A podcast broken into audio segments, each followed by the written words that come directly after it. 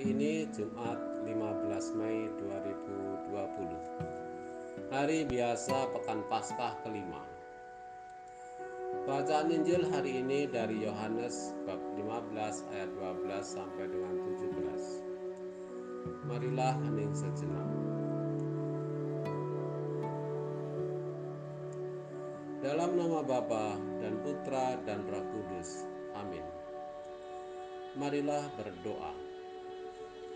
Ya Allah yang Maha Rahim, ampunilah dosa-dosa kami. Kami sering lalai, sering menyakiti orang lain, bahkan membenci orang lain. Oleh sebab itu, kami mohon supaya Engkau mengampuni kesalahan dan dosa yang kami perbuat, dan jauhkanlah kami dari virus corona ini.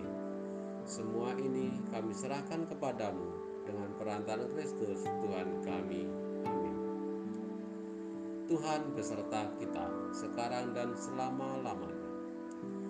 Inilah Injil Santo Yohanes bab 15 ayat 12 sampai dengan 17. Dimuliakanlah Tuhan. Inilah perintahku, yaitu supaya kamu saling mengasihi seperti aku telah mengasihi kamu. Tidak ada kasih yang lebih besar daripada kasih seorang yang memberikan nyawanya untuk sahabatnya kamu adalah sahabatku.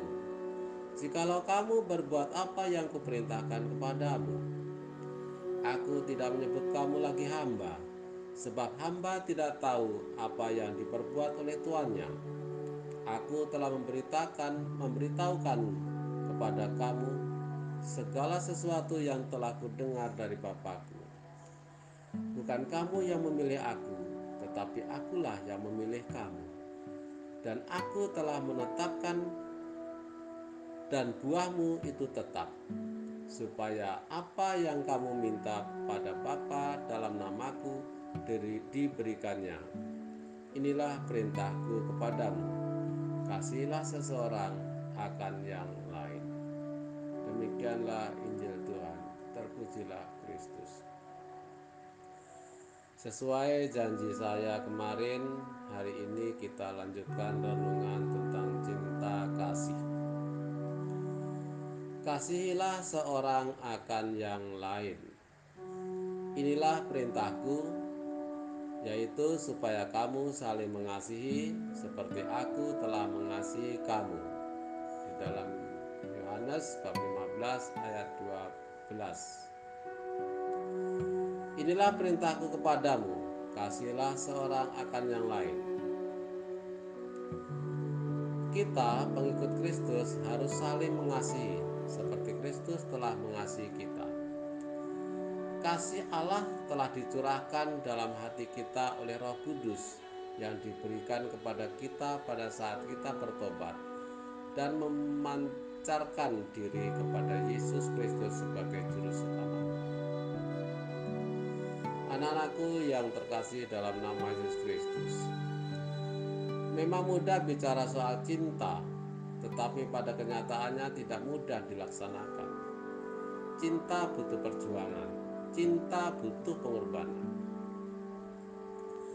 Di lain kesempatan, Paulus dan Barnabas malah berselisih paham tentang siapa teman yang mereka bawa dalam perutusan ini memperlihatkan kepada kita bahwa perbedaan pendapat berselisih paham adalah bagian dari kehidupan jemaat para rasul. Adalah bagian dari kehidupan kita. Yang terpenting adalah bagaimana kita menyikapi dengan bijaksana. Perselisihan, beda pendapat akan selalu ada. Namun, perutusan tetap harus berjalan Para rasul paham betul akan hal ini, maka mereka tetap menjalankan tugas perutusan mereka masing-masing. Marilah kita menimba semangat para rasul yang setia akan tugas perutusan kita sekalipun menghadapi berbagai tantangan. Yesus berkata, "Bukan kamu yang memilih aku, tetapi akulah yang memilih kamu. Dan aku telah menetapkan kamu supaya kamu pergi dan menghasilkan buah, dan buahmu itu tetap, supaya apa yang kamu minta kepada Bapa dalam namaku diberikannya kepadamu. Marilah kita juga berusaha untuk mencintai, walau dalam keadaan sakit, entah itu sakit hati maupun sakit karena penyakit, mengasihi butuh pengorbanan. Ingatlah, mereka yang minta maaf duluan setelah bertengkar mungkin bukan karena mereka bersalah, tapi karena mereka menghargai orang lain.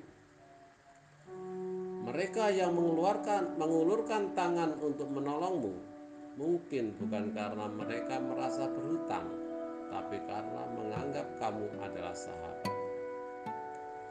Mereka yang sering mengontakmu mungkin bukan karena mereka tidak punya kesibukan, tapi karena kamu ada di dalam hatinya. Mereka yang sering menyanjungmu setinggi langit mungkin bukan karena engkau pahlawan, tapi mungkin karena mereka memaafkan keburukanmu. Mereka yang selalu menghinamu dan menghakimimu, mungkin bukan karena mereka membencimu, tapi karena mereka ingin menguji ketulusan cintamu. Ingat doanya, ya Tuhan, ajarilah kami untuk senantiasa berani mewujudkan iman kepada kami mewujudkan iman kami dalam tindakan kasih kepada sesama kami. Semoga kami tidak takut untuk berbuat baik kepada sesama kami.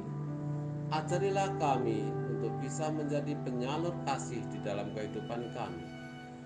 Tuhan, sertailah kami senantiasa dengan kasihmu, Amin.